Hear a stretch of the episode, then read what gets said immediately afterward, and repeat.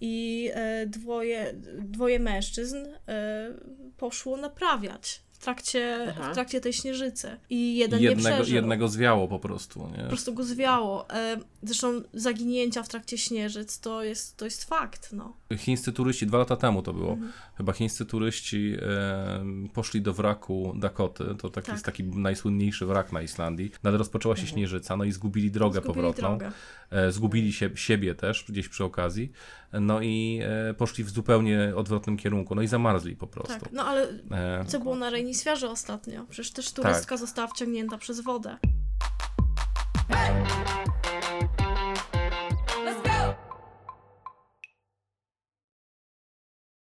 Cześć, tu Martyna. Witajcie w kolejnym odcinku podcastu Koleżanki Porozmawiajmy. To jest podcast, w którym rozmawiam z kobietami, także ekspertkami w różnych dziedzinach o ciele, psychice, duchu i relacjach. Dziś chcę Was zaprosić na specjalny świąteczny odcinek Zimowa opowieść. Opowieść z miejsca, w którym natura dyktuje codzienne warunki życia, czyli z Islandii. I rozmawiać będę z Bereniką Lenart i Piotrem Mikołajczakiem, którzy są autorami bloga Ice Story oraz autorami książek Szepty Kamieni, Historie z opuszczonej Islandii i Zostanie tylko wiatr, Fiordy zachodniej Islandii. Zapraszam Was bardzo serdecznie do słuchania i oglądania tego odcinka. Pamiętajcie, że możecie nas słuchać na Spotify, Apple Podcast, Google Podcast, Empik Go i oglądać na YouTubie. Codziennie możecie też śledzić koleżanki Porozmawiajmy na Instagramie i Facebooku, a od niedawna możecie nas też wspierać na Patronite. A teraz zapraszam Was już na odcinek. Gdy czytałam o Waszej pierwszej książce Szepty Kamieni, historie z opuszczanej Islandii, to czytam tak. Osiedlili się na Islandii, aby poznać prawdziwe życie w kraju, który kusi i zachwyca surowym pięknem, ale też wiele wymaga od swoich mieszkańców. I ciekawa jestem, jakie to jest to prawdziwe życie. Wiesz co, prawdziwe życie jest dokładnie takie, jak, jakie, jak, to, które wiedliśmy tam w Polsce, aczkolwiek e, jest bardzo dużo małych różnic, e, które spotykaliśmy oczywiście już od samego początku gdzieś tam na swojej drodze. E, w ogóle Skandynawia i kraje nordyckie różnią się bardzo mocno od, od tego, co, co jest w naszym kraju, ale chodzi też, chodzi mi o to, że życie jest prawie takie samo ze względu na to, że bardzo podobne problemy można spotkać. Tylko w mikroskali. Ale w mikroskali, dokładnie. E, ponieważ są to, może tak, e, innego rodzaju kłody są rzucane pod nogi e, na Islandii, a innego w Polsce. Tutaj ten las jest zdecydowanie niższy, zdecydowanie mniejszy. po prostu i, e, i tyle. No, jest sporo naprawdę różnic pomiędzy Polską a Islandią. Tak, ja uważam również, że o wiele łatwiej żyje się na Islandii. Zresztą mamy za sobą przeprowadzkę do Polski w 2019 roku. Spędziliśmy 15 miesięcy w Polsce i wróciliśmy na Islandię. Więc O. tak, więc to chyba również świadczy o tym, że po prostu Islandia jest miejscem, w którym się czujemy najlepiej, najłatwiej nam się żyje, pomimo tego, że jesteśmy na migracji, co również stwarza pewne kłody, problemy i wyzwania. E, Zdecydowanie jest to kraj, w którym raczej planujemy spędzić kilka następnych lat. Zobaczymy może resztę A, no, życia. a życie tutaj płynie dokładnie tak jak w innych krajach. Tylko jest troszeczkę, myślę, może jest troszeczkę spokojniejsze, ludzie są troszeczkę mniej zestresowani. Podchodzi się do Tak. wszystkich spraw taki bardziej luźny sposób. Oczywiście to też zależy od tego, gdzie się pracuje, z kim się pracuje. A czy macie odczucie też takie, że życie diametralnie różni się w miastach od życia na przedmieściach, bądź w ogóle gdzieś w, w, wioskach oddalonych od miast? Zdec- zdecydowanie. Przede wszystkim e, nasza pierwsza książka, jak i, jak i druga w ogóle też e, opowiada o takich miejscach odizolowanych albo o miejscach już opuszczonych, e, które, które odwiedzaliśmy w trakcie e, researchu. I e, to, co się dzieje w Reykjaviku, to, to, to jak się żyje w Keplaviku tutaj e, albo w Akureyri na północy, różni się diametralnie od tego jak jest, nie wiem, w Eskifjordur czy Olafsfjordur e, albo w jakimś, e, nie wiem, em, malutkim e, innym fiordurze, dokładnie, czy w Grundarfjordur, tam gdzie mieszkaliśmy przez jakiś czas. Tak, bo my mamy doświadczenia y, życia małych w małych miejscowościach. Stolica jest wiadomo jak stolica, każda inna stolica. Mhm. Życie toczy się w bardziej ekspresyjny i bardziej ekscytujący sposób, zdecydowanie. Zwłaszcza jak się jest młodym człowiekiem i ma ochotę się wyjść wieczorem na piwo ze znajomymi, albo szuka się bardziej jakiejś lepszej może pracy, albo szuka się jakichś wyzwań takich. takich Wiadomo, wielkie miejsce, wielkie możliwości Jasne, też, nie? oczywiście. Wielkie miejsce, Mhm. oczywiście wiadomo, że to Reykjavik to jest naprawdę niewielkie miasto Tak. mimo wszystko. Małe miejscowości mają to do siebie, że mieszka w nich bardzo niewiele osób. To może być 200, to może być 800 osób. Jeżeli jest 800, no to już mówimy tu o sporej miejscowości. Dokładnie. W takich miejscowościach wszyscy o sobie wszystko wiedzą, co jest Mhm. dokładnie tak jak w innych tego typu miejscowościach na świecie. Są ograniczenia, które mogą wynikać właśnie z rynku pracy, czy, czy nawet z pogody. Bardzo często zdarzało się, że miejsce... mieszkaliśmy na półwyspie Sneffels, to jest mniej więcej 200 km stąd, na północ. E, I zdarzało się w trakcie zimy, że drogi były zamknięte. Byliśmy odcięci Mhm. na przykład. To jest coś, do czego człowiek się absolutnie przyzwyczaja i bierze to wszystko z całym inwentarzem. Absolutnie Mhm. ma to również swoje plusy. Małe miejscowości na Islandii są urocze. E, Pozwalają się wyciszyć, e, pozwalają Mhm. sobie poukładać bardzo wiele rzeczy w głowie. Oczywiście zależy wszystko od tego, z czym się przyjeżdża do mojej miejscowości. Dokładnie. Jeśli przyjeżdża się z wielkimi problemami, to te problemy nie znikną nam Tak, niestety. to bo mała miejscowość tego nie rozwiąże. Dokądkolwiek jedziemy, zabieramy tam siebie, nie? I Tak. to jest, y, to jest jakby mm, tak, że mała miejscowość nie rozwiąże nam e, żadnych problemów, duża miejscowość tak samo, no Tak. więc z nimi trzeba poradzić sobie inaczej. Nasze doświadczenia zawierają małe miejscowości, zawierają również y, wyspę, bo ja mieszkałam na Westmanejar. Czyli to jest wyspa na wyspie Wyspa jakby. na wyspie. Zawierają również mieszkanie w Reykjaviku, gdzie na przykład zostaliśmy okradzeni. Mhm. Wyniesiono nam właściwie wszystko. No a teraz E, mieszkamy a teraz w średnim jesteśmy mieście. w średnim mieście. Taki trochę nowy sącz, Czyli nie? właściwie wszystko, co, e, co mogliśmy, czego mogliśmy doświadczyć na Islandii, to doświadczyliśmy. Oprócz, przepraszam, e, jeszcze, jeszcze nie mieszkaliśmy dłużej w domku letniskowym. Ale taki jest plan. Ale taki jest plan, żeby sobie kiedyś kupić domek letniskowy i no, oczywiście odizolowany najlepiej. Tak. E, no i Ja tam będę sadzić krzewy, dużo czasu. ty będziesz pisać. A ty też będziesz pisać. Tak, tak.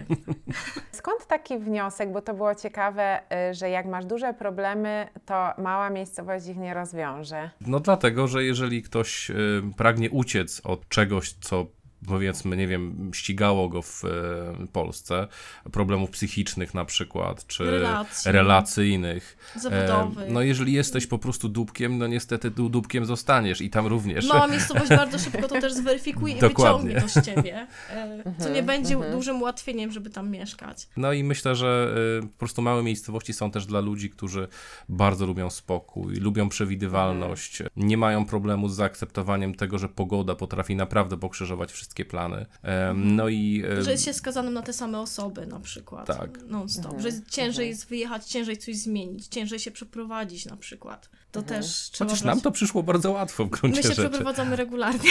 Tak, już nie wiem, która jest szósta przeprowadzka Siódma nasza, czy siódma, siódma ja chyba. Nie no. wiem.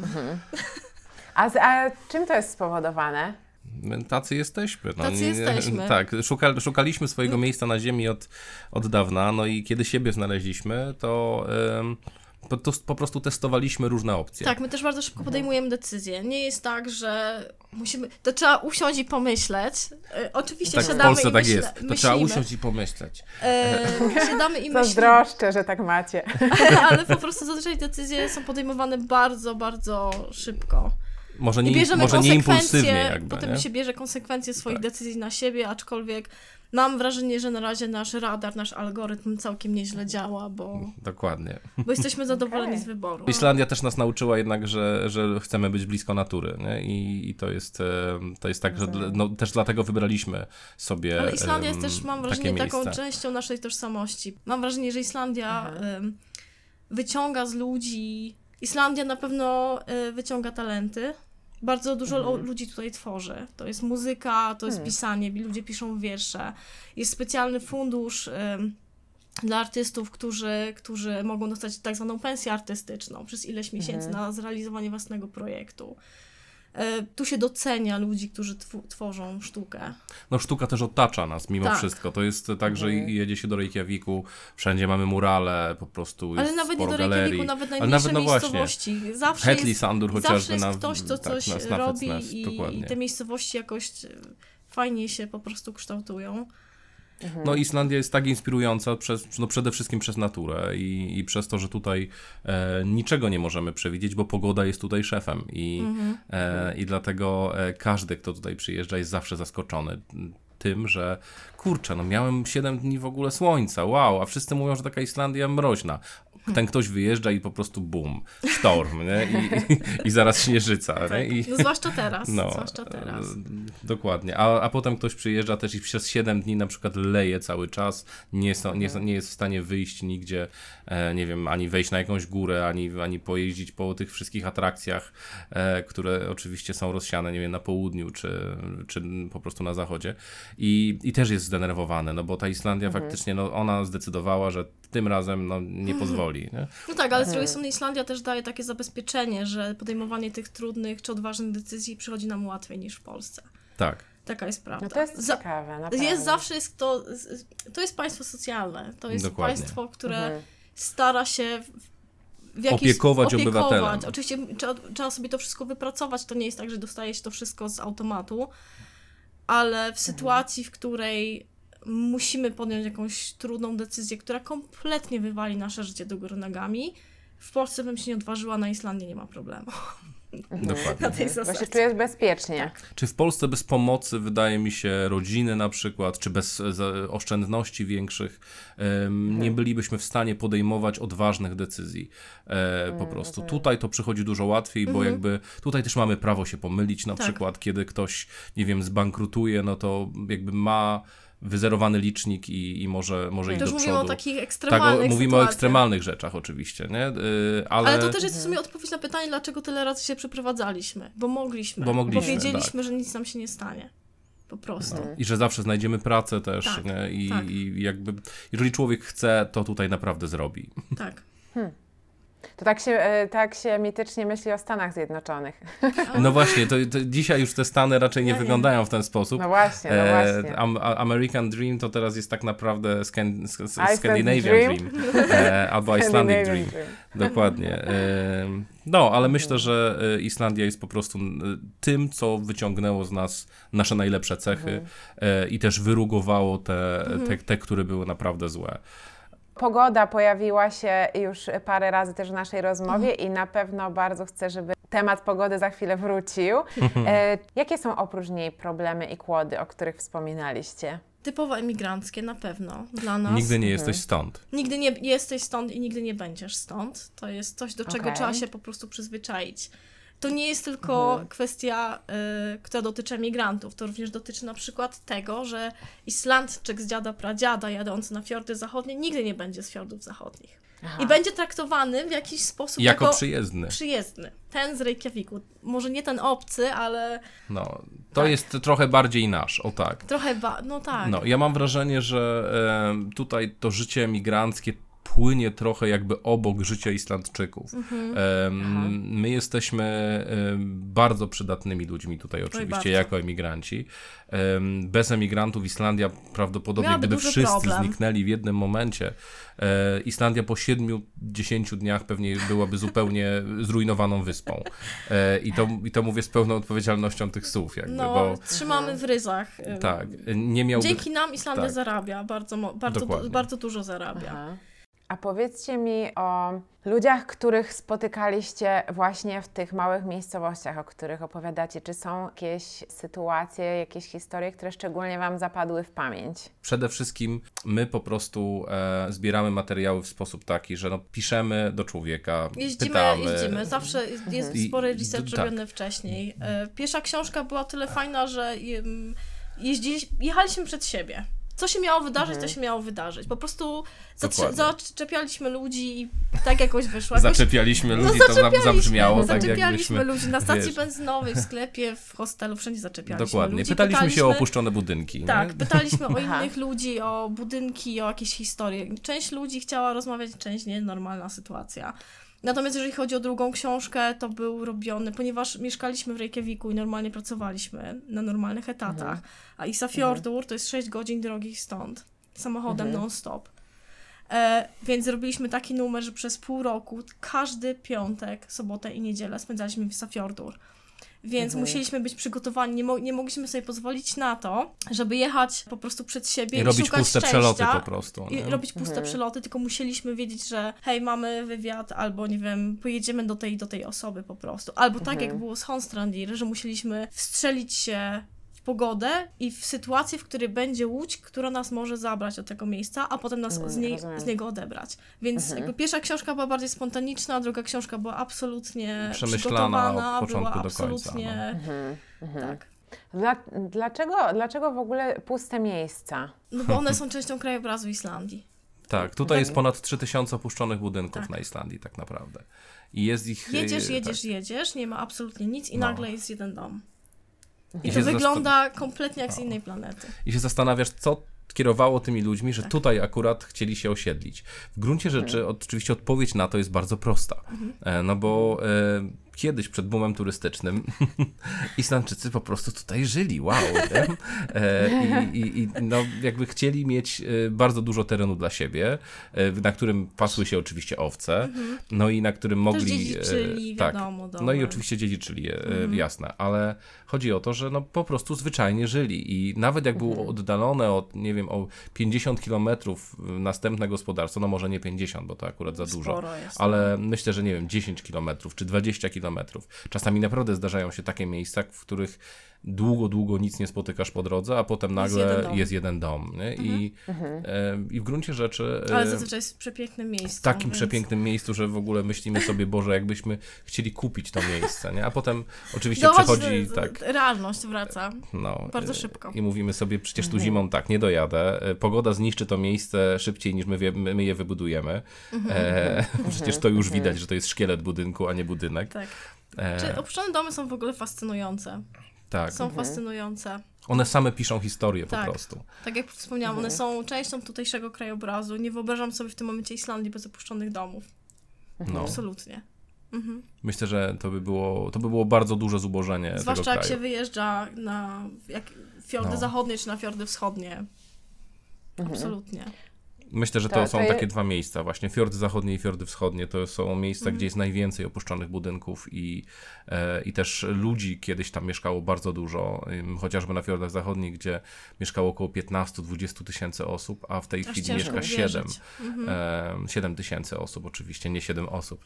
E, no ale są e, regiony, które mają po 3,5 tysiąca kilometrów kwadratowych, tak jak Strandir Mhm. na fiordach zachodnich, gdzie mieszkają 52 osoby w tej chwili. Tak. E, Właściwie chyba nie wiem, czy nie 49 osób, bo tam A kilka osób zmarło nie da się tam ostatnio. kupić ziemi. No właśnie, a nie da się tam kupić ziemi, nie? ponieważ mm, próbowaliśmy to zrobić. Spróbowaliśmy.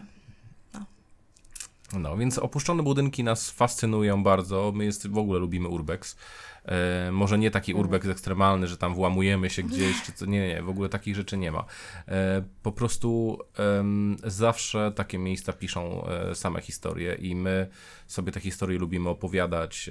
Tak, poza tym lubimy... to było zupełnie coś innego niż to, szukać. co było w przewodnikach. Taka Tak. jest prawda. To nas też zafascynowało, bo to było kompletnie coś nieturystycznego w 2015 roku.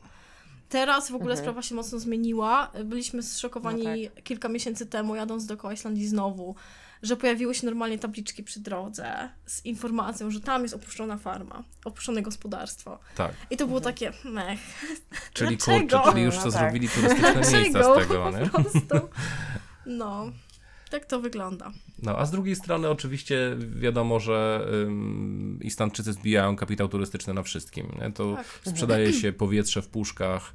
em, Nie wiem, właśnie można opuszczony budynek sprzedać jako atrakcję turystyczną, że tutaj taka historia, taka, nie? I, i wtedy No ale za- kilka zabieramy tam budynków też się wycieczki. zrobiło kultowych. Tak, kilka Tak, budynków się zrobiło kultowych, to fakt. Dagverdara na Sneffelsnesie Dagverdarau, jest, dokładnie. no. jest, jest opuszczony budynek, który się bardzo często przewija na fotografiach, więc... E, No, bo tam jest bardzo bogata historia. No, oprócz Mhm. tego, że y, właśnie słyszeliśmy o tym, że mieszkał tam ostatni islandzki mag. Że jak e, przyjechaliśmy tam czarownik pierwszy raz, to właściwie. był przybity kruk na, na Do belkach drzwi. pod... e, No. Tak.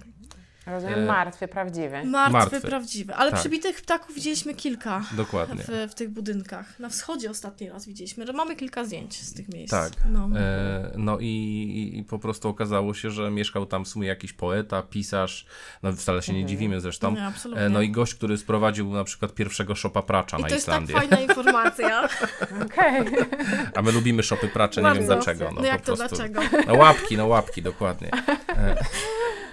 Okej. No to, to opowiedzcie mi proszę jeszcze y, o historiach paru takich miejsc, w jakich byliście. Co, co was tam... Mówicie, że one same piszą historię, więc co napisały? No przede wszystkim em, główną em, historię, którą nam em, jeden z budynków napisał, to jest historia Diopawiku, Mhm. e, opuszczonej przetwórni śledzi, która gniła sobie i niszczała przez wiele, wiele lat, aż w końcu... Potężnej przetwórni śledzi. Potężnej, jedne w 3000 sumie największej przetwórni śledzi swojego czasu na Mhm. świecie, Tak. e, wybudowanej kompletnie pośrodku niczego, w, W przepięknym w miejscu. przepięknym miejscu, w, y, przy najgłębszym fiordzie na całej Islandii.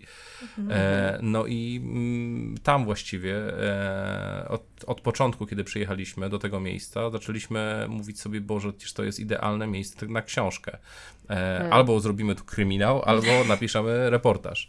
E, No i, no i fakt faktem jest taki, że kiedy zaczęliśmy rozmawiać z tymi ludźmi, mm, umówiliśmy się za, za jakiś czas, że przyjedziemy. Spędziliśmy kilkanaście Tak, dni i, u nich. i kilkanaście dni spędziliśmy rozmawiając o tym miejscu i czyta, czy, czytając bardzo dużo, chodząc po prostu pomiędzy tymi ścianami. Tak. Em, no i to tra- Traf też chciał, że kolejna historia się zaczęła pisać tam w tym miejscu, ponieważ przyjeżdżał, przyjechał Hollywood e, właśnie do tej opuszczonej przetwórni, żeby nakręcić bardzo zły film, e, który się nazywa Liga Sprawiedliwości e, z tym, z Aquamanem, e, czyli Jasonem Momoa. Ojej, w życiu bym się nie spodziewała, Tak. że o, ty, o, o tym teraz będzie mowa. Dokładnie. nie? To, no, no i, i tam jeszcze Ben Affleck był właśnie też i, i tam bardzo wielu innych aktorów. E, cała ekipa. No i nagrywali tam właśnie e, mm, jako, jako, jakąś scenę chyba e, właśnie w, w, tej, w tej przetwórni, gdzie em, się okazało, że ktoś mówi do Islandczyków chyba, tylko oczywiście nie wiadomo, czy Aha. to są Islandczycy, czy nie. No i tam była siedziba Batmana przy okazji. E, Co mogę zrozumieć, no. jak no ja też mogę zrozumieć. No, my chcieliśmy tam w ogóle y, ślub wziąć potem Tak. w tym Diopawiku. Tak, w tej przetwórni. No. Rodzina, która tam mieszka, jest absolutnie w ogóle Szalona. szalona, niesamowita i, e, i to są ludzie, którzy no, w 80 chyba którym szóstym roku to było, Jakoś tak. e, no, przyjechali, zobaczyli tam przetwórnię, no i em, ta mm, babka... Aussie przyjechał najpierw. Aussie najpierw, tak, e, czyli Aussie to jest facet, e, oczywiście. E, Pan właściciel. Pan właściciel, tak. Y, No ale jak przyjechała jego żona, to po prostu pierwsze co powiedziała to do nas, że kiedy ona zobaczyła ten Mhm. budynek, to mówi, wyglądał jak gówno. E, I, i, I faktycznie, jak widzieliśmy na tych zdjęciach, No. po prostu to, To była ruina. W, w trakcie remontów. Tak, E, tam jest wieczny remont po Tam jest prostu. wieczny remont, on się szybko nie skończy, bo powierzchnia jest ogromna. Ale na przykład e, w tym momencie część tego budynku jest wykorzystywana jako e, miejsce dla artystów. Można aplikować co roku i przyjechać do Djupawiku i pokazać. e, w takich mrocznych, postindustrialnych po prostu e, miejscach e, Wow, można super. wystawić e, swoją sztukę. Tak, Jest tam hotel e, zrobiony z, domu dla z kobiet. domu dla kobiet, dokładnie. Kiedyś kobiety, które pracowały, które ładowały śledzie do beczek, które je soliły, mieszkały właśnie w tym domu. I teraz ten dom jest z, przerobiony na hotel. E, Bardzo klimatyczne miejsce, chyba jedno z najbardziej klimatycznych miejsc na Islandii. W ogóle jak będziecie na Dokładnie. Islandii, jedźcie do Djupawiku, musicie poznać Ewę. Ewa jest e, dusza nie człowiek, absolutnie. No. To jest Czy jest os- to Polka? Nie. Czy, czy imię Islandka. podobnie? Islandka, Islandka, tak. E, no i, i, i fajnie, no bo akurat e, teraz byliśmy tam niedawno, spotkaliśmy się znowu z nimi. Zawsze jesteśmy też witani jak rodzina, ponieważ jak się okazało, książka y, s- przy, jakby przywiodła do, do, do Djupawiku dużo więcej ludzi niż film e, z, z Hollywood, więc Wow. no i oczywiście sami Polacy przyjeżdżają i proszą o autografy właśnie tę biedną kobietę. Ona jest zachwycona. Ale ona jest zachwycona. Ona No. jest zachwycona. I mówi tylko, że Super. ona jest biedna pod tym kątem, że nie może prze przeczytać tego w swoim języku, niestety. A no. No. Znaczy, część... No tak, to jeszcze, jeszcze czas na tłumaczenie. e, Ten rozdział został tak. przetłumaczony e, Tak, na islandzki i ona dostała ten rozdział ostatnio, jak byliśmy przecież w czerwcu. Dostała. Tak, dokładnie. Tylko mówi, że spodziewała się czegoś zupełnie innego. E, To jest zawsze kwestia też tłumaczenia. Tak, no i- właśnie, no ale to tłumaczenie Mhm. podobno nie jest dobre, nie? więc No.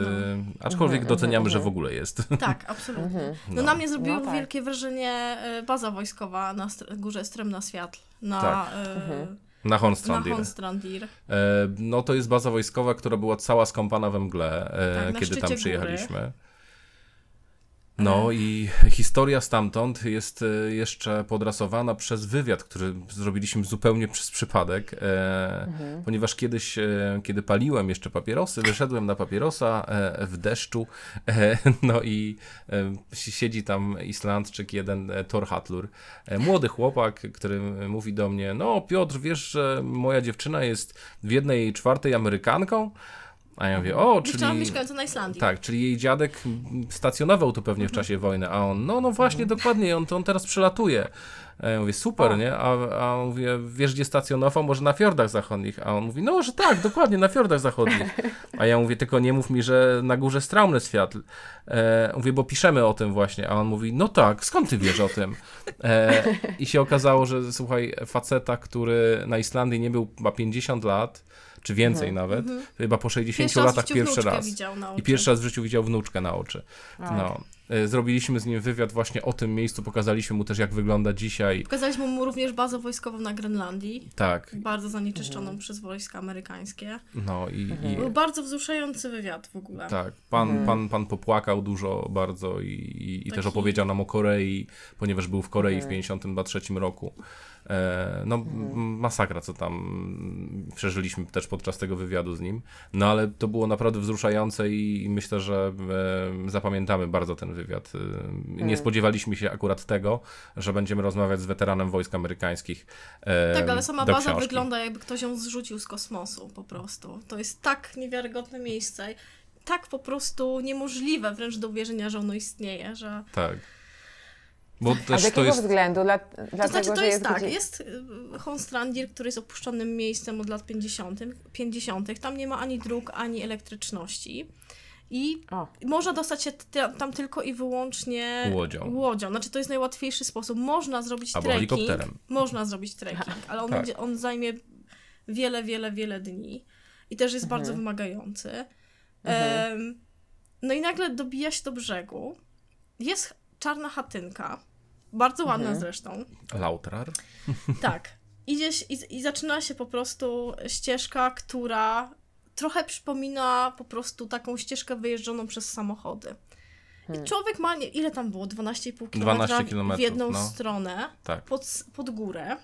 Nie ma Mhm. absolutnie nic, wszystko jest skąpane we mgle, jest tylko ocean i góry gdzieś tam na horyzoncie.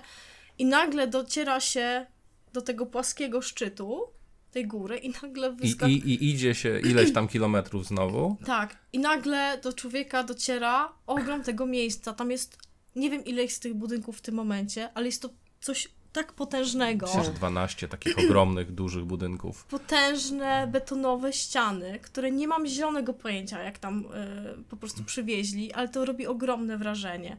Wygląda jak scena z postapokalipty, postapokaliptycznego filmu.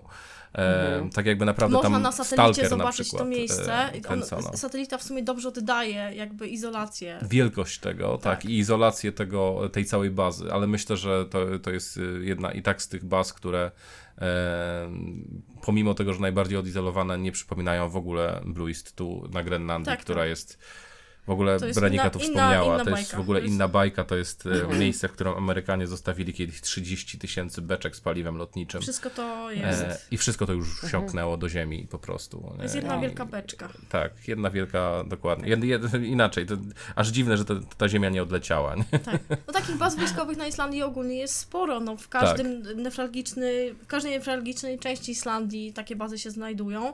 Byliśmy w kilku, ale jednak ta na Stromna Światły jest absolutnie najlepsza, najbardziej przerażająca i nie wyobrażam sobie zimy w tym miejscu, nie wyobrażam sobie tych e, 100, chyba 28 e, żołnierzy, którzy tam stacjonowali. No, a ten facet E, właśnie tam, tam mieszkał zimą. Nie wyobrażam nie? sobie tego, jak zjeżdżali Hmm. e, po zapasy, które oczywiście musiały przypłynąć. Nie mam.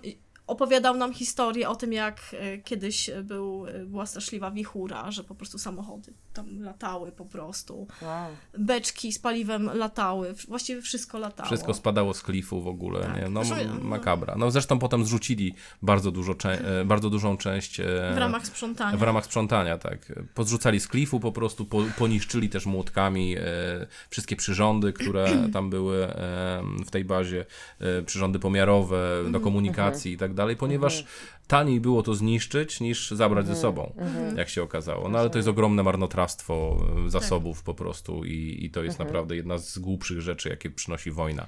No, Oprócz więk- oczywiście tak, ale bezsensownej historii z śmierci. takich typowych farm, z takich typowych domów, to są proste historie rodzinne. Zazwyczaj są powiązane z tym, że ktoś umarł na morzu, albo ktoś zaginął w niewyjaśnionych okolicznościach. Albo ktoś musiał 20 kilometrów chodzić e, piechotą do, do swojego dziecka, którego nie miał czasu wychowywać, bo trzeba było Tak. pracować i codziennie Albo, są 20 to his- kilometrów. tak, albo to są po historie pod robił. tytułem, y, No. że ktoś na przykład uciekł do Danii, zostawiając dzieci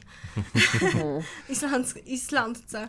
Albo że cała wioska na przykład em, Zginęła w trakcie jednego sztormu. Zginęła w trakcie jednego sztormu i zostały same kobiety z dziećmi, na Tak. przykład, bo wszyscy byli na morzu, To akurat też miało miejsce mężczyźni. na Wyspach Owczych, z tego co pamiętam. Tak, i została cała wioska wdów i sierot, nie, na Tak. przykład. No to to są takie historie, dlatego to miejsce jest trudne, nie, ale tak, one nie ono są jest- jakieś ekscytujące, w sensie jakby nie oczekujemy nigdy tego, że będą jakieś totalne fajerwerki, że wejdziemy do jakiegoś opuszczonego budynku i dowiemy się, że nie wiem, o, tu mieszkał najsłynniejszy islandzki morderca, albo nie wiem, no, no, no A tak było? nie chyba, znaczy Był jeden- na Snowfellsnesie jest miejsce, gdzie miejsce, mieszkał tak. najsłynniejszy seryjny, znaczy jeden seryjny morderca w historii Islandii, tak. ale ogólnie... Był mag. Ma, Nie, tak, to- to- to- Mago, Mag to jest inna To, historia. to jest inna historia jeszcze, tak. E, ale to on, on akurat nie był mordercą, chyba że kruki, nie? to wtedy, wtedy możemy inaczej na to patrzeć. No ale też okej. na Islandii są właśnie te wszystkie rzeczy, o których my mówimy, e, że tutaj dzieją się w mikroskali, to na przykład takie rzeczy jak ludobójstwo też tu się zadziało kiedyś, tylko w mikroskali. E, no i o tym też pisaliśmy właśnie w Szettach Kamieni, em, kiedy spotkaliśmy Baska, który pracował właśnie w tej przetwórni w Dupawiku. Tak. No i okazało się, Że on że... bardzo często wraca. Do... To znaczy on tam ciągle jest. Tak, E, Ostatnio się właśnie widzieliśmy z nim. No i okazało się, że opowiedział nam historię o tym, jak baskijscy wielorybnicy zostali zamordowani przez Islandczyków, 32 em, wielorybników, dlatego że Islandczycy nie mieli dla nich jedzenia, więc zapytali się króla duńskiego, co z nimi zrobić. A król duński mówi że można wszystkich zabić. No i wydał dekret, który pozwalał Islandczykom na zabicie każdego baska, który przypłynie na Islandię. Po prostu. E, I bez, i bez żadnych konsekwencji. No i to, to prawo zniesiono dopiero w 2015 roku, Szok. jak się Chłopak okazuje. Tam na, na No, krawędzi. na krawędzi był. No. W każdym razie no, było takie prawo kiedyś na Islandii. No i takich historii właśnie szukamy zawsze. Takich, takie historie nas fascynują. E, Ja myślę, i- że też lubimy po prostu jeździć i robić research. Taka jest prawda. To Tak. jest najfajniejsza część pisania Najbardziej książki. romantyczna chyba. To jest jeżdżenie i szukanie historii i ludzi. Samo pisanie nie jest takie fajne, szczerze mówiąc. Jak, jak wiesz, jest Słyszałam. sekretne okno i John Malkowicz, który, e, pat, który pisze po prostu jak szalony nie? i tam patrzy w ten ekran. No nie, to w ogóle tak nie wygląda. Nie? To, to chyba, chyba, że Stephen King tak pisze, to on, jemu bym uwierzył akurat. No, ale to jest orka ca, cały czas. Nie? I, i, no i myślę, że e, research, tak jak Berenika mówi, jest chyba naj, najprzyjemniejszy i najbardziej romantyczny z tego wszystkiego. Zwłaszcza na Islandii. Wierzę. Wierzę, wierzę tym bardziej po, po tych e, opowieściach, które teraz słyszałam. No to e, wiecie, chcia, e, chciałabym teraz przejść właśnie do tej zimy, no bo ona już nam się przewija i zas, zastanawiam się, bo w Polsce jest też trochę tak, takie mam odczucie, że jak się robi ciemno, zimno, to to, to są pewnie mikroproblemy w porównaniu tego, czego doświadczają Islandczycy, a my się jakoś, mam wrażenie, hibernujemy, nawet na te parę miesięcy, nawet z, tym, z tą odrobiną śniegu i tą troszkę niską temperaturą i z tym, że trochę jest ciemniej. E, No i e, zastanawiam się, jak, e, jak zima na Islandii wygląda. Przede wszystkim nie ma smogu. Nie ma E, smogu. Tak. To jest najważniejsze. Powietrze pachnie oceanem. I zima tutaj różni się na pewno tym, że y, wiatry są bardzo, Tak, bardzo zima potężne. w ogóle potrafi być bardzo gwałtowna tutaj. Em, te warunki atmosferyczne bywają trudne. Tak jak Piotrek mówi, wiatr to jest coś, co możemy być na 100% pewni, że wystąpi w trakcie zimy i to taki wiatr bardzo porywisty, który absolutnie utrudnia życie. Trzęsie budynkiem. Trzęsie niemal budynkiem. Em, opady śniegu oczywiście, lód oczywiście. No ale z drugiej strony mamy zorzę polarną. Z drugiej strony mamy jaskinie w lodowcu, które są obłędne. Tak. Z drugiej Mhm. strony my bardzo lubimy zimę, bo ym, my w trakcie zimy piszemy. Tak, Mamy to taką jest dla nas zasadę, że- czas. Y, jeździmy... Wy też się troszkę hibernujecie. Tak, tak, bo zasada jest ogólnie taka, że próbujemy wykorzystać y, dobrą pogodę do maksymalnie. Czyli podróż po Islandii, czy po Grenlandii, czy po innym kraju jest y, zawsze od kwietnia do września. Od września Mhm. do kwietnia siedzimy w domu i piszemy i staramy się jakby nie szaleć z, z jakimiś większymi podróżami. No teraz pierwszy raz w życiu pojedziemy w ogóle na południe, no bo najdalej na południu Byliśmy byliśmy, w w Szwecji. Szwecji, nie? E, i, I to jest naprawdę jakby najcieplejszy kraj, w jakim udało nam się być e, e, razem. No teraz wreszcie jedziemy gdzieś tam na Teneryfę właściwie Tak, ale e, właśnie na tak, Kanary. Teneryfa między innymi jest lekarstwem dla Islandczyków i nie tylko dla Islandczyków, Aha. którzy sobie radzą O. z zimą. Są czarterowe loty regularnie. Dokładnie W tym momencie to myślę, że no. większość e, osób, które po prostu mogą wyjechać, na 100% wyjadą do cieplejszych miejsc w tym momencie. No w- tutaj są nawet w, Mhm. ga- w gazetach czy na portalach internetowych e, oferty kupi, e, sprzedaży czy kupna tak, domów, e, w, domów Hiszpanii, w Hiszpanii. Nie? Można kupić, e, oczywiście. No witamina D to jest podstawa. Witamina D, która jest we wszystkim. Łączy z mlekiem, nie wiem, w serach, w jogurtach. Mhm. No i w tapsach oczywiście tak samo. No wstaje się jak się wstaje ogólnie. No, No. no jest ciemno. Ciemno, zimno i ponuro. Ciemno, ale, zimno i ponuro. Ale to my to lubimy właśnie i to, Tak. jest, to jest w tym wszystkim najlepsze, że jakby ta, ta pogoda, ona nam nie tylko nie przeszkadza, ale, ale ona nam nawet pomaga w Jest coś pewnym romantycznego w tej pogodzie. Y, Jest coś, to, to w ogóle paradoksalnie też ym, bardzo brakowało mi w Polsce tej pogody. Brakowało mi sztormu. Mhm. Y, sensie. Było za spokojnie za, było, było za spokojnie. To jest fakt. Hmm. Poza tym nie ma nic przyjemniejszego niż sztorm za oknem i ciepłe mieszkanie. To jest, Hmm. to jest najprzyjemniejszy chyba moment. Jeszcze tylko kominka brakuje, nie? Mała szansa. Bo to Właśnie. wiadomo, że w krajach nordyckich albo w ogóle na północy, no to ogień jednak żywy to jest, no tutaj bardzo często Polacy sobie tak robią, że po prostu włączają kominek tak, w e, telewizorze. w telewizorze, na YouTubie po prostu. Trzeba sobie jakoś Jest radzić. to jakieś wyjście. Tak. No. No ludzie mają e, naświetlanie w pracy. E, Ludzie mają Aha. specjalne lampki, którymi się naświetlają. Ym, Chodzenie do, na baseny. O tak, to jest Mhm. bardzo, Mhm. bardzo ważna część islandzkiej kultury w ogóle i Też nie ma nic przyjemniejszego niż wyjazd do domku letniskowego w zimie. Do domku letniskowego, który ma jacuzzi. Dokładnie. O To jest-. Tak, e, związki zawodowe na Islandii e, nie tylko pomagają e, jakby w rozwiązywaniu kwestii spornych z pracodawcą, ale również oferują dofinansowania i domki letniskowe. Jest cała lista domków letniskowych, które można za parę koron po prostu wynająć. To jest jakaś tam opcja. Na radzenie sobie z zimową handrą. Dokładnie. Mhm. No. E, więc e, zima różni się mocno, e, oczywiście od tego, co jest w Polsce, aczkolwiek nie jest wcale taka zimna, Nie. jak by się mogło wydawać, bo Mam wrażenie, że w Beskidzie Mhm. jest dużo zimniej. tak, W Beskidzie może być, być minus 25, to tutaj takich temperatury nie występują. Oczywiście jak wieje, Aha. to odczuwalna jest inna. Tak, to odczuwalna może być nawet minus 40, nie? No i w Ale- interiorze na pewno jest inaczej. No, Tak, tam jest e, zimno. tylko że w interiorze nikt nie mieszka. Tam w interiorze E, nikt nie mieszka. Zresztą Islandia w ogóle jest jak krawędź takiego basenu ogromnego, gdzie w środku nikt się nie kąpie, nikt tam nie mieszka, a wszyscy siedzą przy krawędzi i po prostu je obserwują. E, no, ewentualnie są, są bardzo blisko brzegu. E, Więc no, nie bez powodu, ponieważ na Islandii właśnie tam zbijają się te fronty na środku wyspy, no i, i tam dochodzi do takich huraganów, które są em, w sile przypominają na przykład huragan Katrina, e, czyli po Hmm. 400 km na godzinę. E, To jest już naprawdę tyle, że no tutaj by nam wszystkim Koniec. pourywało kończyny, ale Mhm. ostatnio wiatr em, w zeszły, zeszłej zimy, to było nie, e, albo dwie zimy temu, kiedy wyjeżdżaliśmy, Dwie. e, tak, 263 km na godzinę w miejscu, gdzie mieszkają ludzie, nie? Co ciekawe, E. dachy nie odlatują. tak. E, Pamiętam tylko jedną sytuację i to właśnie w Keplawiku tutaj odleciał dach. E, chyba właśnie dwa albo trzy lata temu w trakcie Tak. zimy, bo była taka wichura. Więc No. system jakby budowania tych domów też jest jakoś e, ogarnięty. tak. W Polsce, kiedy jest Dostosowany. 130 km na godzinę, Tak. to przewraca drzewa, e, rozwala Tu domy po no. prostu, a tutaj wszystko dalej Jakoś- stoi. I, i, i, No i też te wiatry są takie, no dlatego, że właśnie tych drzew nie ma, a to dlatego, że Islandczycy kiedyś po prostu bardzo dużo tych drzew powycinali. Ale teraz są sadzone lasy. Jak się jedzie na Tak. północ e, wyspy i na wschód, e, są normalne lasy. Jest 4,5% zalesionego w tej chwili, Tak. e, zalesionej powierzchni. To na sprawia ogromną frajdę. Co jest jeszcze fajne w zimie? Światełka na ulicy i to, że każdy dom jest przystrojony. Tak. I to jest, ab- to, to jest totalne Ale to musi szaleństwo. być niesamowite, niesamowicie urocze. Tak.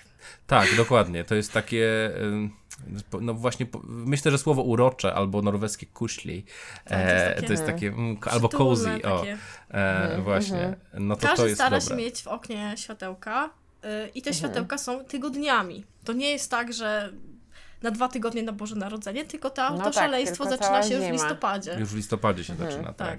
Tak, to jest, światło jest tutaj bardzo ważne. Zresztą kiedyś Islandczycy Mhm. dawali sobie świeczki w prezencie, e, bo było to, bo pierwsze były drogie, a po drugie, no jednak e, tego światła tutaj nigdy nie było za dużo. Wspomnieliście też o Norwegii, wspomnieliśmy właśnie o tych i e, kraje skandynawskie, szczególnie w ostatnich paru latach, kojarzą się właśnie w światełkach z, ta, z takimi różnymi rytuałami codzienności, które dodają takiego ciepła do życia. No i zastanawiam się, co, czy coś oprócz światełek też e, jeszcze takiego zauważyliście na Islandii? Kawa. Kawa dodaje bardzo dużo życia i ciepła i jest to absolutnie coś obowiązkowego. Nie zaczynamy w ogóle kawy, no. pracy. Ja w ogóle nie piłam kawy, zanim się tu przeprowadziłam. Ja cię nauczyłem. Teraz nie ma opcji. Ten pociąg nie pojedzie bez kawki.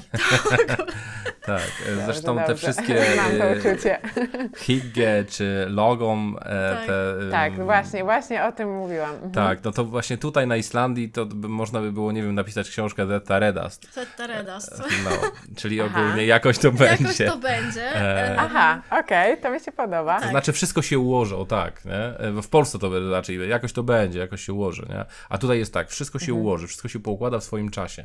Na przykład tutaj Czyli Islandczycy... akcentujemy pozytywnie. Tak, no i na przykład pytasz się Islandczyka, e, kiedy to zrobi, a on mówi, jak ja nie zdążę, to moje wnuki zdążą, nie? E, Albo umawiasz się na przykład z nimi i y, przychodzą po dwóch tygodniach. I to jest Dokładnie, normalne i nie? jakby nie wolno się nastawiać, że na pewno ta osoba przyjdzie na czas, bo zazwyczaj albo coś, w ogóle nie przyjdzie i nawet na nie da znać. coś jej na pewno wypadnie. Oczywiście No. to też mówię, zależy od, sytu- od sytuacji, od człowieka, ale Wiesz, my się kiedyś um- umawialiśmy z e, Omarem Ragnarsonem, z, z, świetny facet w ogóle, e, legenda na Islandii. No i, i on mówi, a nie mogę, bo właśnie jestem we Włoszech i piszę kolejną książkę. Facet 84 lata. E, I mówi, że właśnie robimy tu zdjęcia do czegoś tam. Nie? I mówi, że nagrywamy to i to, że nagrywam kolejny album. Tak. I, co chwilę nie mógł znaczy po prostu się spotkać. człowieka w kompleksy, jeżeli chodzi o produktywność. To w No. ogóle nie ma, nie ma absolutnie... Trzy miesiące tak. potrafił opublikować 400 wpisów na blogu na Tak. przykład, nie? E, swoim. No i, i plus do tego oczywiście, no nie wiem jak... E, Zapytaliśmy go w ogóle, czy kiedyś napisał, s- znaczy napisze swoją autobiografię, no bo on naprawdę ma na Islandii, no ma o czym opowiadać. On tutaj, wszyscy, zresztą wszyscy mówią, że on tutaj zna każdy kamień. A on mówi, nie, nie mam czasu. no. Super. Zresztą w ogóle starsi ludzie tutaj żyją bardzo długo i średnia wieku na Islandii jest dużo, dużo wyższa niż w wielu innych krajach. Myślę, że Norwegia jest nawet niżej niż Islandia. Tutaj bardzo często można spotkać artykuły w gazetach, że jak ktoś tam skończył 104 lat albo Tak. 100 lat, nie? E, kto, ktoś nam opowiadał ostatnio o tym dziadku takim, który w wieku 90 kilku lat robił sobie okna w domu i zjeżdżał jeszcze na nartach. to jak to mu no, zabroni? e, więc no właśnie. Nie ma limitów wiekowych tutaj, Tak, absolutnie. nie ma tutaj limitów się, Tutaj wiekowych, można no. więcej rzeczy robić niż w innych No powietrze krajach. czyste, jedzenie bardzo zdrowe, bardzo dobre, ryby też dostarczają bardzo dużo oczywiście e, tego omega-3 i wielu innych rzeczy. E, No więc e, jakby myślę, że starsi ludzie tutaj też mają trochę inaczej na A pewno jeżeli niż... chodzi o rytuały, to Tak. tak, jak wspomniałam, myślę, że gorące, chodzenie do gorących źródeł Oj, czy do, tak. na baseny to jest na pewno rytuał, który, który się mocno przewija. Domki No. letniskowe. Mhm. Ja przez kilka lat nie mogłam pojąć, dlaczego ktoś, kto mieszka w wiosce, gdzie mieszka 800 osób, potrzebuje domku letniskowego. No. On mówi, 5 że on jest kilometrów od zmęczony tej miastem. wioski i on mówi, że jest zmęczony. Ja próbowałam to rozkminić w jakiś taki logiczny sposób i, I teraz było mi bardzo ciężko. no. Ale już teraz to I, rozumiem. I co ci wyszło? Wyszło mi to, że po prostu człowiek, każdy człowiek na Islandii zasługuje na to, żeby uciec. No. Uciec do Okej. głuszy.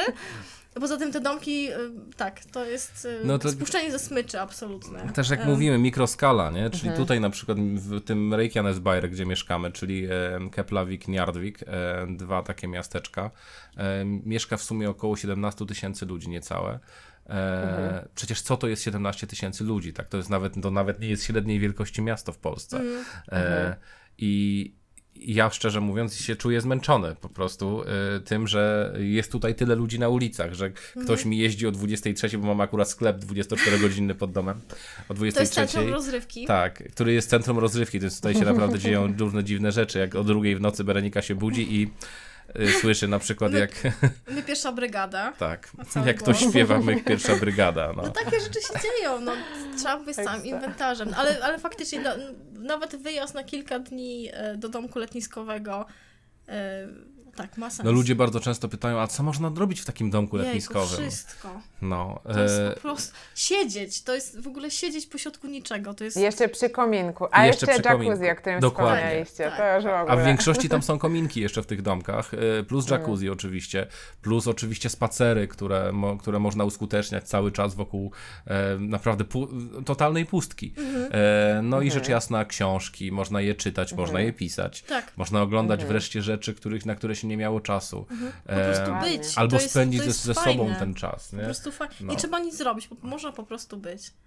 Mhm. No.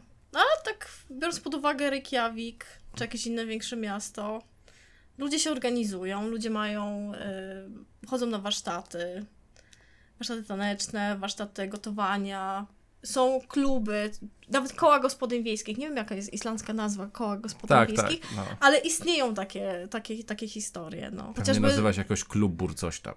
w każdym razie kobiety się spotykają, robią na drutach. Bardzo popularne yy, na Islandii było, Jezu, jak to się mówi, opowieści wieczorne. E, Kwoldwaka. Kwoldwaka, no właśnie. To jest coś, co było... To są wieczorne spotkania, wieczorne czuwania, takie... e, Opowieści, Mhm. nie Ludzie wiem, się spotykali z gitarami, pierza, nie- robienie na nie wiem.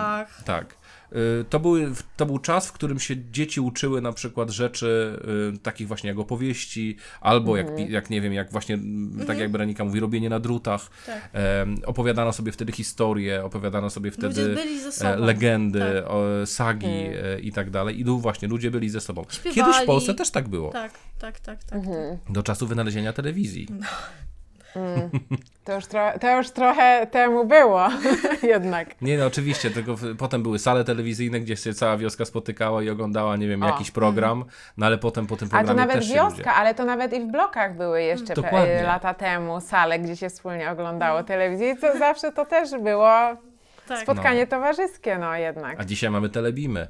E, I oglądamy Ale Mistrzostwa słuchajcie, bo Europy. y, z, y, z tego, co mówicie, jednak wyłania się taki obraz tego, że ludzie są blisko siebie, a y, spodziewałabym się, że mm, gdzieś tam właśnie sztormy, e, jakiś mrok, e, śmierć na morzu. I przepraszam, że się śmieję, ale wiecie, że to... to, to e, Śmierć na morzu. a tak. Zdarza się. No a jednak, ym, jednak słychać bliskość między, y, y, że jest ta bliskość między ludźmi.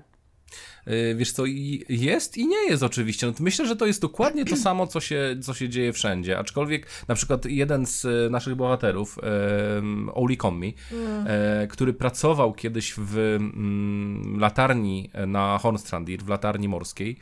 W której e, byliśmy. Ja której, nie wiem, w której byliśmy, przetrwał. no właśnie, ale facet pracował tam, słuchaj, 6 czy 8 lat, już nie pamiętam dokładnie. E, tam też w ogóle zdał maturę, Tak, skończył studia.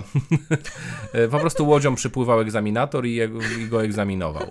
E, I to jest jedno z najbardziej odizolowanych w ogóle miejsc na wyspie, jeśli nie, nie, jeśli nie najbardziej odizolowane w tym momencie.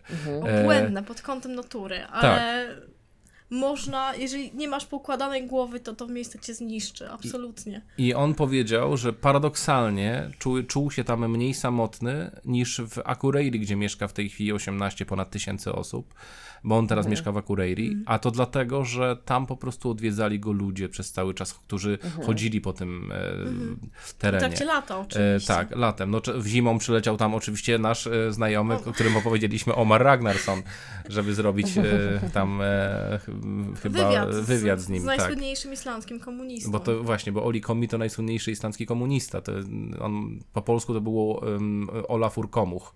E, Oli e, Oli Komuch. No i. e, którego zresztą opinia publiczna mocno zmasakrowała. On jest bardzo Tak. nieufny. Był obiektem drwin na a- Islandii. ale, ale, ale czas. zapytał Tak, się, mhm. kiedy weszliśmy do niego do domu, Pierwsze czy jesteście pytanie, z Rosji. Czy jesteśmy z Rosji. A my mówimy, że Ale nie, z Polski, też, nie? e, A on, a spoko, Europa Wschodnia. To go zadowoliło, najważniejsze. On jest tak zafascynowany po prostu jednak i Stalinem, i Leninem, i ca całą resztą, że no, mm, jakby ciekawa postać bardzo, y, ponieważ tutaj na Islandii nie było tych traum wojennych w ogóle. On nie przeżył w ogóle tego, co my e, Mm, jako naród przeżyliśmy e, Czy w Polsce, czy nie tylko. stacjonowały tutaj wojska, ale to była zupełnie inna historia. Tak, To- on nienawidzi Amerykanów na przykład. Rozumiem. Uważa, że Amerykanie są gorsi niż Rosjanie, ponieważ mają, ale mają lepszy PR, nie? Tak, lepszy. No i, i w gruncie Okej. rzeczy no jest w tym coś oczywiście, y, no ale to jest, y, wydaje mi się, y, człowiek, który no, zafiksował się bardzo, tak, tak bardzo mocno na jednym temacie, e, że w tej chwili e, jest, stał się po prostu jakąś ikoną, dlatego też spróbowaliśmy e, z, z nim pogadać, chociaż było trudno na, na samym Ciężko początku. było, ale, Tak, to ale- też ta bariera nieufności była dość spora. Natomiast jeżeli, wracając do kwestii samotności, wydaje mi się, że Reykjavik ma to do siebie, że tam jest większa anonimowość, jak w każdym większym mieście, jak w każdej stolicy. Dokładnie. Natomiast szczerze mówiąc, nie wyobrażam sobie małej miejscowości i sytuacji, że żyją sami samotnicy, ponieważ ta miejscowość by padła bardzo Tak. szybko. Ludzie potrzebują się. To jest tak jak kiedyś rozmawialiśmy z Christorem Eidalem, tak? Tym, który się wychowywał w bazie właśnie wojskowej, był jednym z dwójki dzieci w tej bazie wojskowej. No. E, I on powiedział nam, że żeby. Nie, to przepraszam, to był Toli Mortens. No. E, Co że żeby wybudować łódź, potrzebujesz trzech A, osób. potrzebujesz trzech osób, nie? Po prostu, żeby wybudować łódź. E, Tak. I żeby potem ją zwodować, żeby Tak. ją mm, sprowadzić na Jak e, nie brzeg. będzie wystarczającej ilości ludzi, to ta łódź nie powstanie, więc nie będziesz mógł wypłynąć chociażby po ryby, żeby, żeby się wyżywić. Ale w momencie, kiedy na przykład e, opuszczał lekarz e, daną wioskę, no to od, od lekarza zaczynało się wszystko. E, Mhm. Tak. Jak, jak odpłynął doktor, nie było komu leczyć, no to Mhm. wtedy odpływał nauczyciel, Tak. Potem odpływał e, No zależy, kto tam jakiś mieszkał. tam jeszcze, jeszcze inny stolarz i tak dalej. Po prostu, bo ponieważ oni chcieli być blisko miejsca, gdzie dzieci będą miały bezpiecznie. Mhm. Dlatego takie miejsca się wyludniały właśnie z takiego powodu na przykład, nie? Bo, Mhm. bo powiedzmy zmarł doktor, a kolejny nie chciał przyjechać. E, no i, i tyle. No, Hornstrandir na przykład był, jest właśnie takim przykładem. E, jest to najbardziej, był to najbardziej odizolowany teren na całej wyspie. No i e, dzisiaj jest najbardziej dzikim terenem na całej wyspie. Em, Obłędnym miejscem jest to zresztą. obłędne. No. Takich kolorów, mm, Takiej natury też. takiej e, natury. nie ma w ogóle nigdzie. w, innym, w innej części Znaczy, Islandii. mówimy oczywiście o Islandii. Nie? Tak, No, tak, w tak. porównaniu do reszty Islandii to jest dżungla. to jest dżungla. I jeszcze lisy polarne, które chodzą samopas i się nie boją. Tak, lisy polarne to jest w ogóle coś, co, Tak, co, co ogóle- uwielbiamy. To jest prawie na równi z Shopem Praczem. Tak, i kotem. tak. A słuchajcie, jeszcze tak właśnie się zastanawiam, czy oprócz tego, co do tej pory mówiliśmy, jakieś takie sytuacje, w których rzeczywiście natura tak określa e, sposób życia albo określa em, codzienność, przychodzą Wam do głowy. Czy, czy Wasze, czy właśnie historie Waszych rozmówców e, z książek? No, sytuacje, w których na przykład mieszkasz na fiordach zachodnich, jesteś ostatnią kobietą żyjącą w tym danym fiordzie i doskonale wiesz o tym, że przyjdzie zima i będziesz odcięta przez y, kilka miesięcy w roku. Będziesz tam sama. Czasami może uda się, że ktoś na skuterze śnieżnym do ciebie przyjedzie, ale nie jest to pewnik. Warstwy śniegu po 5 metrów. Warstwy śniegu po 5 metrów i droga przerażająca nawet latem. No. E, to jest taka chyba najbardziej sztandarowa sytuacja, która mi przychodzi do głowy. Mhm. Jak się wybiera mie- mieszkanie w takich urokliwych miejscach na końcu świata, to trzeba się liczyć absolutnie ze wszystkim. Z tym, że mm, może nie dojechać jedzenie na przykład. Z tym, Tak. że trzeba zrobić zapasy bardzo mądre na kilka miesięcy do przodu. Z tym, że może paść prąd, więc musisz mieć agregat, który, do, do którego musisz mieć paliwo, bo jeżeli tego nie będziesz mieć, to zepsuje ci się zamrażalnik, w którym masz jedzenie.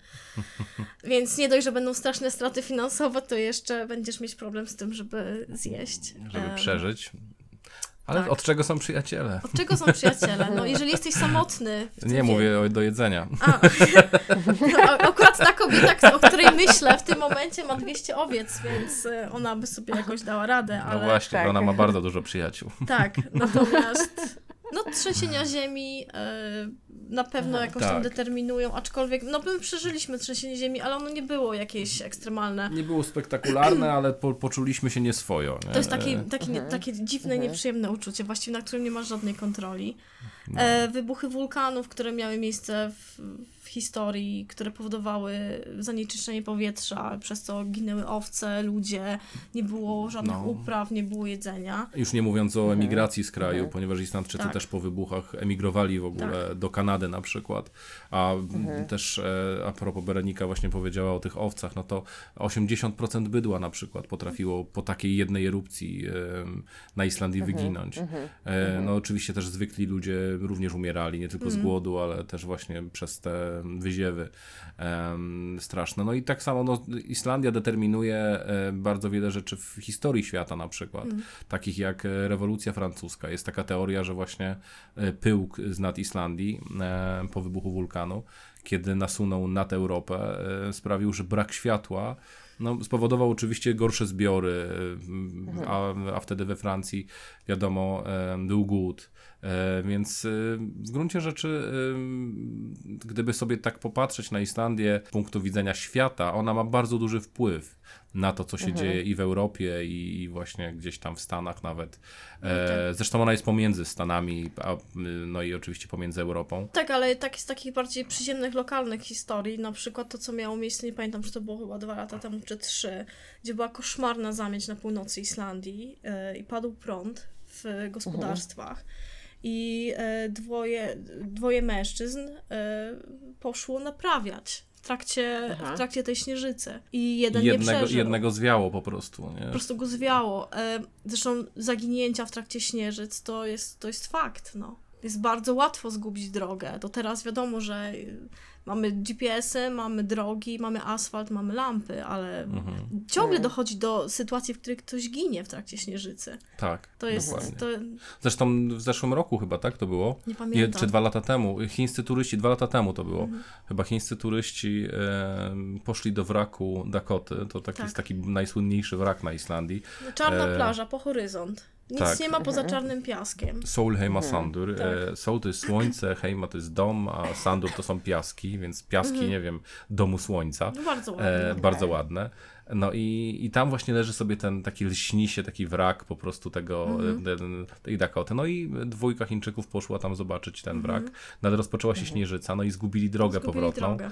E, zgubili się, siebie też gdzieś przy okazji. No i e, poszli w zupełnie odwrotnym kierunku. No i zamarzli po prostu. Tak, no ale E, co było na Rejniswiarze ostatnio? Przecież też turystka została wciągnięta przez wodę. dokładnie. Najbardziej turystyczne miejsce na Islandii, o którym wszyscy wiedzą, że fale są bardzo zdradliwe. Są tak zwane wygląda. sneaky waves. One, jakby to miejsce w ogóle jakby nie wygląda na takie, na jakie jest. Ale faktycznie bywa tak, że w pewnym momencie fala przychodzi i podmywa człowieka. I, no I i, go os- wciąga oczywiście. i ostatnio nie? była sytuacja taka, że jedną turystkę wciągnęły fale i oczywiście się utopiła. Wszystko na oczach jej znajomych, którzy przyjecha- przyjechali z nią na wycieczkę. O kurczę. Tam są wszędzie znaki, żeby nie podchodzić. To jest... Tak, no ale ludzie też robią sobie selfie na przykład, bo idzie ładna fala, no Tak. i robią sobie selfie, Próbują a potem uciekać przed tymi tak. falami, a no i patrzą na zdjęcie, w tym, a w tym momencie po prostu ich woda podmywa. No tak, nie? poza tym mówimy o arktycznie zimnej wodzie, Tak. bardzo zimnej wodzie, w której mózg bardzo szybko umiera i naprawdę człowiek nie ma najmniejszych szans. Absolutnie. Tak. Ani tak samo nie ma szans, żeby go wyciągnąć stamtąd. No chyba, że ma się zdolności takie jak burmistrz Westmaneyer, e, czy burmistrz Heimay. E, już, już, już w tej chwili nie, ale był kiedyś człowiek, który e, przeżył wiele godzin w zimnej wodzie, e, która miała 4 stopnie powyżej zera. E, Islandczyk. Był film na ten temat, na Tak. Głębinie. Na Głębinie się, film nazywa. Islandzkiego reżysera Baltazara Kormakura. No i gość po prostu dopłynął do, e, do archipelagu. Wszyscy E, jego koledzy już nie żyli. Tak, bo no, wszyscy zginęli w ciągu kilku minut tak Tak. naprawdę. A on rozmawiał z ptakami po drodze, Tak. e, gdzieś tam się unosił na na tej wodzie. historia. No Tak, i, tak, i tak. ludzie mu nie wierzyli w ogóle, że on przeżył i dlaczego tak przeżył. Przecież w, w wodzie nie da się tyle przeżyć. Tak. No i robiono na nim różne eksperymenty naukowe i... em, Oczywiście zgodził się na nie. tak, oczywiście. No. w każdym razie no, wsadzali go na przykład do lodowatego basenu, z, gdzie siedzieli Marines, Aha. no i e, okazało się, że wy, po 15 minutach oni już po prostu dostawali hipotermii, a on dalej siedział jak normalnie w Kurczę. jacuzzi. Tak. No i, i jak kiedy zbadali mu tkankę tłuszczową, okazało się, że jego tkanka tłuszczowa jest bardzo podobna do tej, które mają foki. E, Więc... E, On mieszka w pan Reykjaviku wy- teraz. Teraz mieszka w Reykjaviku wyewoluował w, cieka- w ciekawą stronę. Tak. no, e, Dostosował się bardzo do warunków natury. No zresztą tutaj były legendy kiedyś o, o, o dzieciach, które były e, na przykład mia, miały ciało człowieka, a głowę foki. Nie? To, były, to, były, to były dzisiaj rzeczywiście z dzisiejszej, pers- dzisiejszej perspektywy to jest zabawne, nie? Mhm. E, ale był taki potwór na fiordach zachodnich Selkotla, który właśnie był z nieprawego łoża, no i został wciągnięty prawdopodobnie do wody, a potem wchodził i mordował ludzi po tych fiordach zachodnich. No takie historie, te, to, to też są super historie właśnie do opowiadania w takich okolicznościach, jak wspominaliście wcześniej. No tak, prawda? tylko potem Takie przychodzi mity, dobry legendy. biskup Gudmundur i, i, i ucina jej głowę, nie? Tak, pomału będę zbliżać się do końca i w zasadzie to o, o ostatnią rzecz chcę Was zapytać, bo wspomnieliście właśnie o tym, e, co bardzo mi się spodobało, że e, nie ma ograniczeń wiekowych, że e, ludzie robią co chcą. Tak. I to też mi skojarzyło się z tymi e, basenami, bo od znajomych, którzy podróżowali, którzy byli na Islandii i też w różnych miejscach, czytałam, że rzeczywiście też jest jakaś taka wolność dotycząca e, ciała, że ludzie się siebie nie wstydzą. Tak, oczywiście. No, y, oni się tam nie wstydzą absolutnie tego ciała. E, trzeba się zawsze umyć przed wejściem na basen i to dokładnie umyć. I są mężczyźni w szatniach męskich i kobiety w szatniach em, żeńskich. E, chciałem powiedzieć damskich. Em, Chyba damskich. damskich, nie? No, żeńskie właśnie. szatnie. Żeńskie szatnie, no właśnie. no, to tak no tak, damskie No. chyba. No, no, no. No właśnie. A widzisz, jak po, polonista myśli, nie od razu, że, czy popełnił błąd.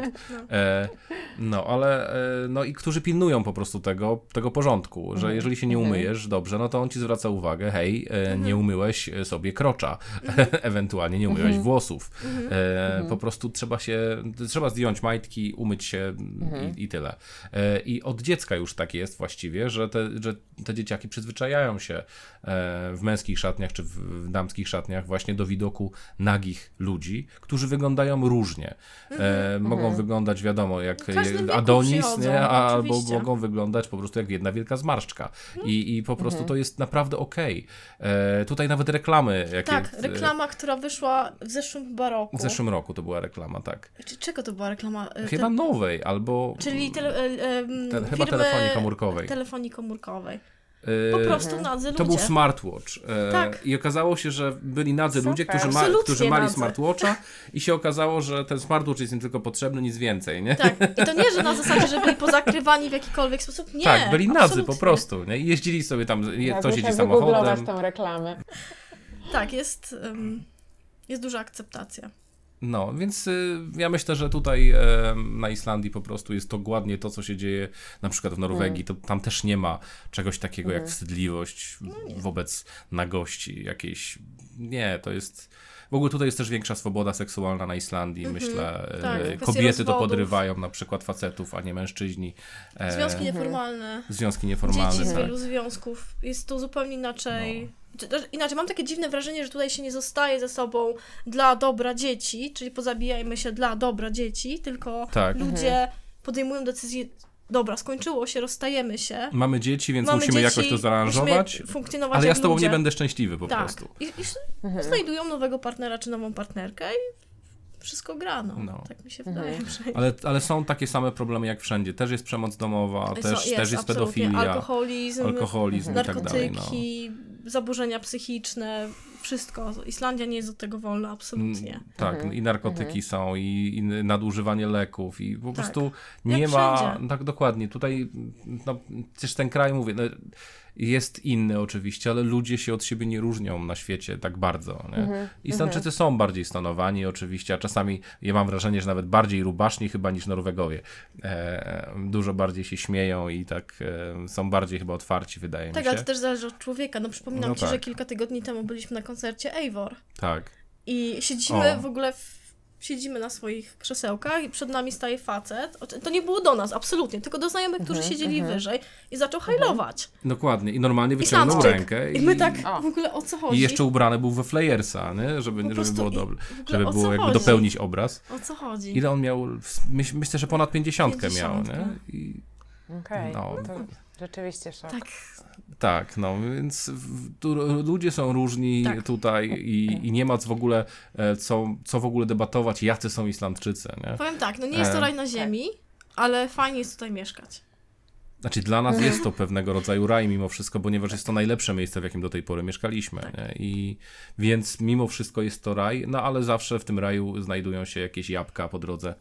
No. Dobrze, no to, to ja Wam bardzo dziękuję. Bardzo mi się miło z Wami rozmawiało, było to bardzo ciekawe.